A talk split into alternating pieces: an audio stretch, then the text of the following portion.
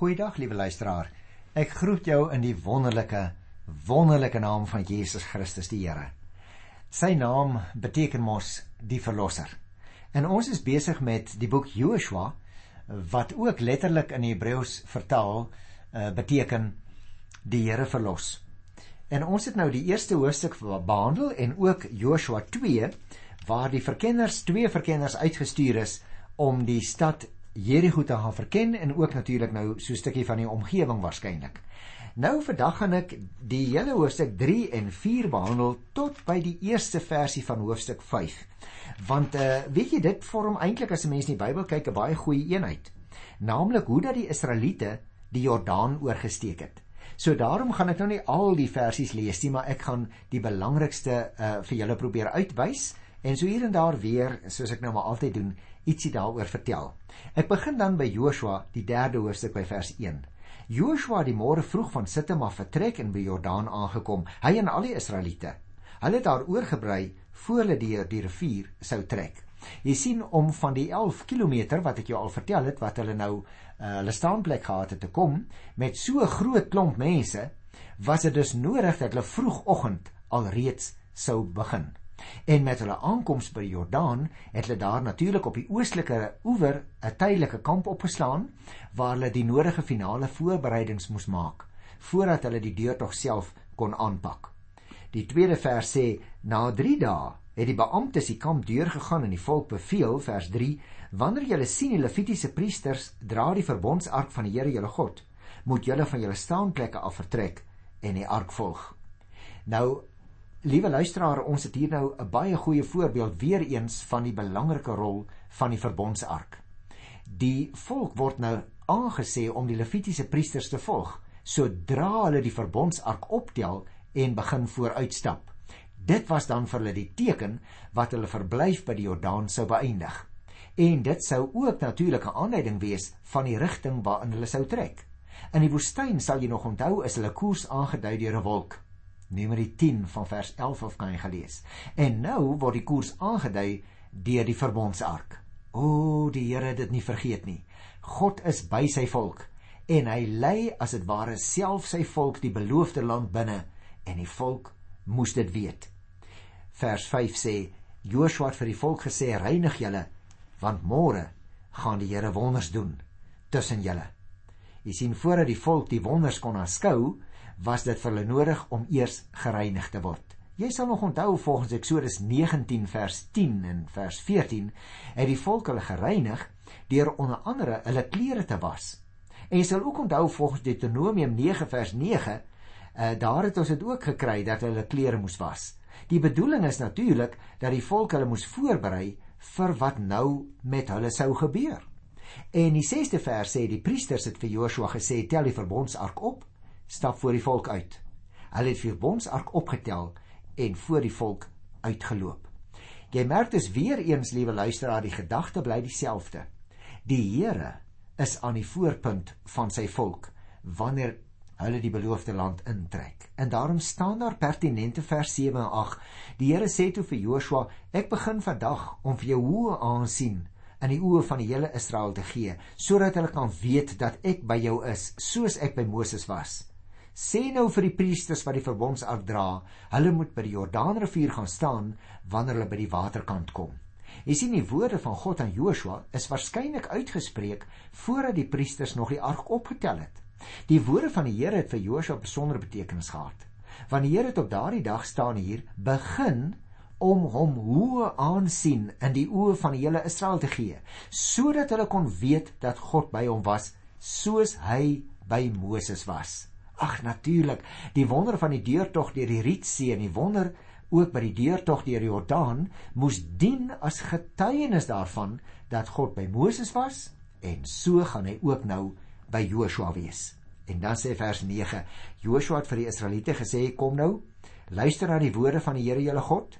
En daarna sê hy: "Hieraan sal julle weet dat die lewende God tussen julle is en dat hy en dan noem hy 'n klomp volkere sal verdryf om vir julle plek te maak. Kyk, die verbondsark van die Here van die hele aarde sal voor julle uit die Jordaan ingaan. Ek dink wat hier gebeur is 'n bevestiging van hulle geloof hoor. Want hierna het Joshua lees ons die volk nader geroep en hy praat met hulle, hy spreek hulle toe. En uit die wonder wat gaan volg, moes hulle weet dat hulle nooit nodig sou hê om aan die beloftes van God te twyfel nie. Daarom was hierdie geweldig belangrike oomblikke dat die Here op 'n besondere manier by monde van Joshua met hulle praat en sy teenwoordigheid by hernuwing beklemtoon. Vers 12 en 13 sê: "Wys nou 12 manne aan uit die stamme van Israel, een uit elke stam.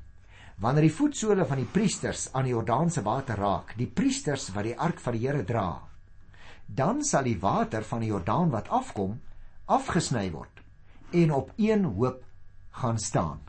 Met ander woorde, daar word nou vir hulle vooruitgesê presies wat gaan gebeur. Want die Here gaan 'n majestueuse werk onder hulle doen. Jy sien, liewe luisteraar, die majesteit van die verbondsgod sou gesien word daardie oomblik wanneer die priesters wat die ark dra, die water van die rivier binnestap. Dan sal die water aan die bokant gestuit word en die volk sou deur die rivier kon trek.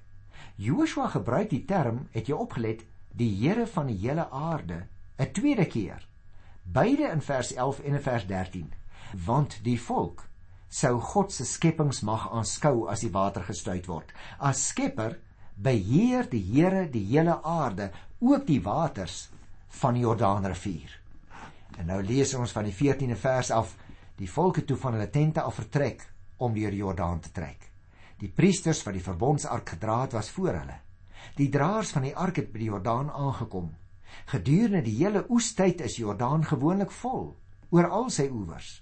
Deur die voete van die priesters wat die ark dra in die vlakwater kom, het die water wat afkom gaan staan. Dit het op een plek opgehoop gestaan ver boontoe tot by Adam, die stad langs Saratan. Die water wat afloop na die see van die Jordaanvallei, die Soutsee, was heeltemal afgesny.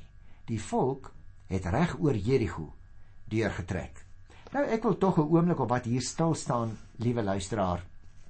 Want 'n mens moet onthou gewoonlik is die stand van die water tydens die oestyd staan hier. Dit wil sê April in die hoogste. Die vlak is dan baie hoog met antwoorde omdat die sneeu op die Hermonberg waar die Jordaanrivier ontspring begin smelt. Nou om en by 8 km suid van die see van Galilea vloei die Jabok rivier in die Jordaan in. En hiervandaan is die rivier 'n modderige en 'n gevaarlike stroom wat vinnig suidwaarts vloei as die vloedwaters begin afkom. Toe die priesters met die ark in die vlakwater kom, staan daar het dit op een hoop ver boontoe opgedam tot by Adam. Nou dit is waarskynlik by wat ons vandag ken as Et Damie. En die plekie is ongeveer so sou ek sê so 30 km reg noord van Jerigo waar die brug wat vandag nog genoem word die Adamsbrug in ons tyd ook nog is. Die water aan die onderkant het afgeloop na die dooie see toe en die volk kon toe nou met gemak deurtrek. En dan sê die 17de vers: Die priesters wat die verbondsark van die Here dra, het daar binne in die Jordaan op die droë bedding gaan staan terwyl die hele Israel oor die droë bedding deurgaan tot die hele nasie uiteindelik deur Jordaan is. Nou hierdie deel van die verhaal, liewe luisteraars, word dus nou afgesluit weer eens deur die rol van die ark en die rol van die priesters te beklemtoon. Die ark het in die rivier gebly totdat die hele volk deur was, het ons gelees. Die verteller, so lyk dit vir my, wil die aandag vestig op die wonder wat onder die leiding van die Here plaasgevind het. Nou, latere geslagte moes daaraan herinner word dat God groot is en dat hy goed is en dat hy self die land aan sy volk gegee het. En baie belangrik dat sy volk hom vertrou het. En dit bring ons direk by die 4de hoofstuk en jy sal opmerk as jy die Bybel voor jou het, daar's nie 'n nuwe indeling nie. Die eerste versie van Hoofstuk 4 sê: Nadat die hele nasie deur die Jordaan is, het die Here vir Joshua gesê: Neem nou die 12 man uit die volk een uit elke stam en sê vir hulle: "Vat hier uit die Jordaan op die plek waar die priesters gestaan het 12 klippe. Neem hulle saam met julle deur en sit hulle neer op die plek waar julle vannag sal oorbly." Nou ek dink dis 'n interessante stukkie geskiedenis hierdie liewe luisteraar, want hierdie hoofstuk het 'n doel om nog enkele besonderhede aangaande die deurtog mee te deel waarvan die belangrikste waarskynlik is die oprigting van 'n gedenkteken. Daarom het ons gelees nadat die Israeliete deur die Jordaan getrek het, het die Here Joshua opdrag gegee om 12 manne te kry en elkeen moes 'n klip bring. En daarmee moes hulle nou 'n gedenkteken oprig by die eerste oornagplek aan die weste kant van die Jordaan.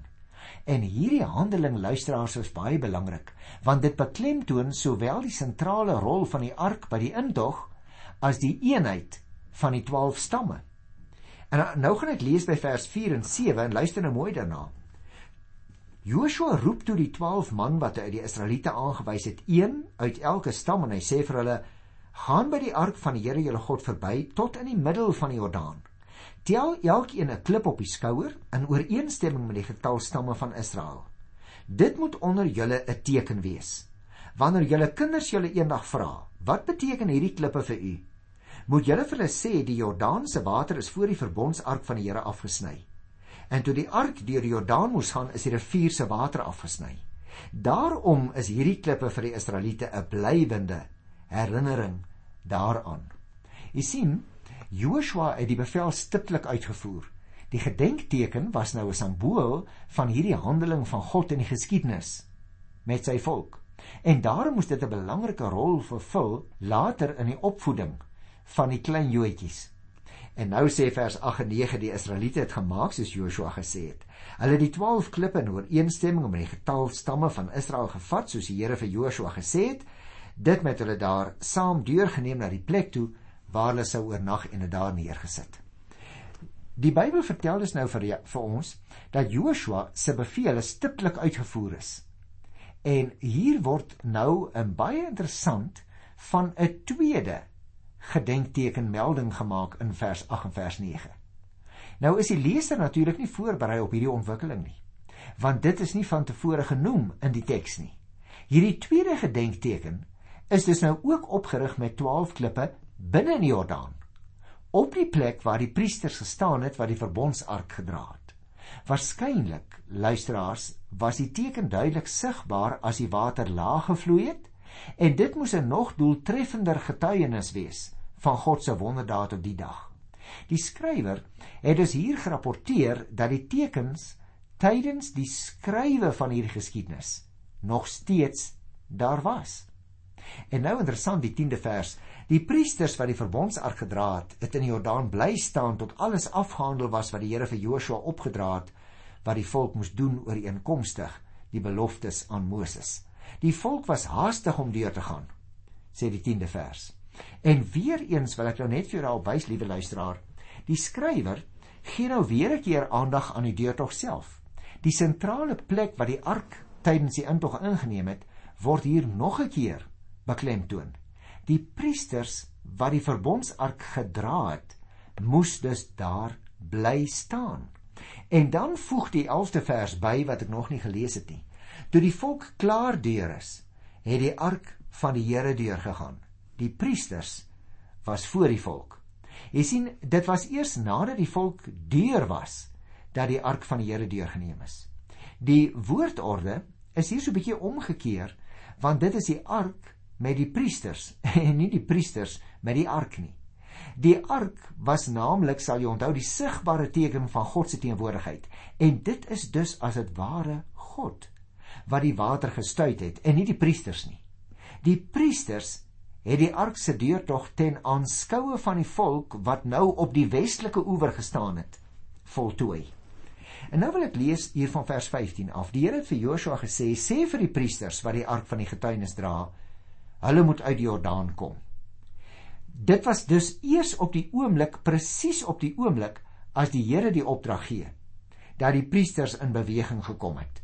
En dan sê vers 19: Die volk het op die 10de dag van die eerste maand uit die Jordaan gekom en kamp, kamp opgeslaan in Gilgal, oos van die Jordaan.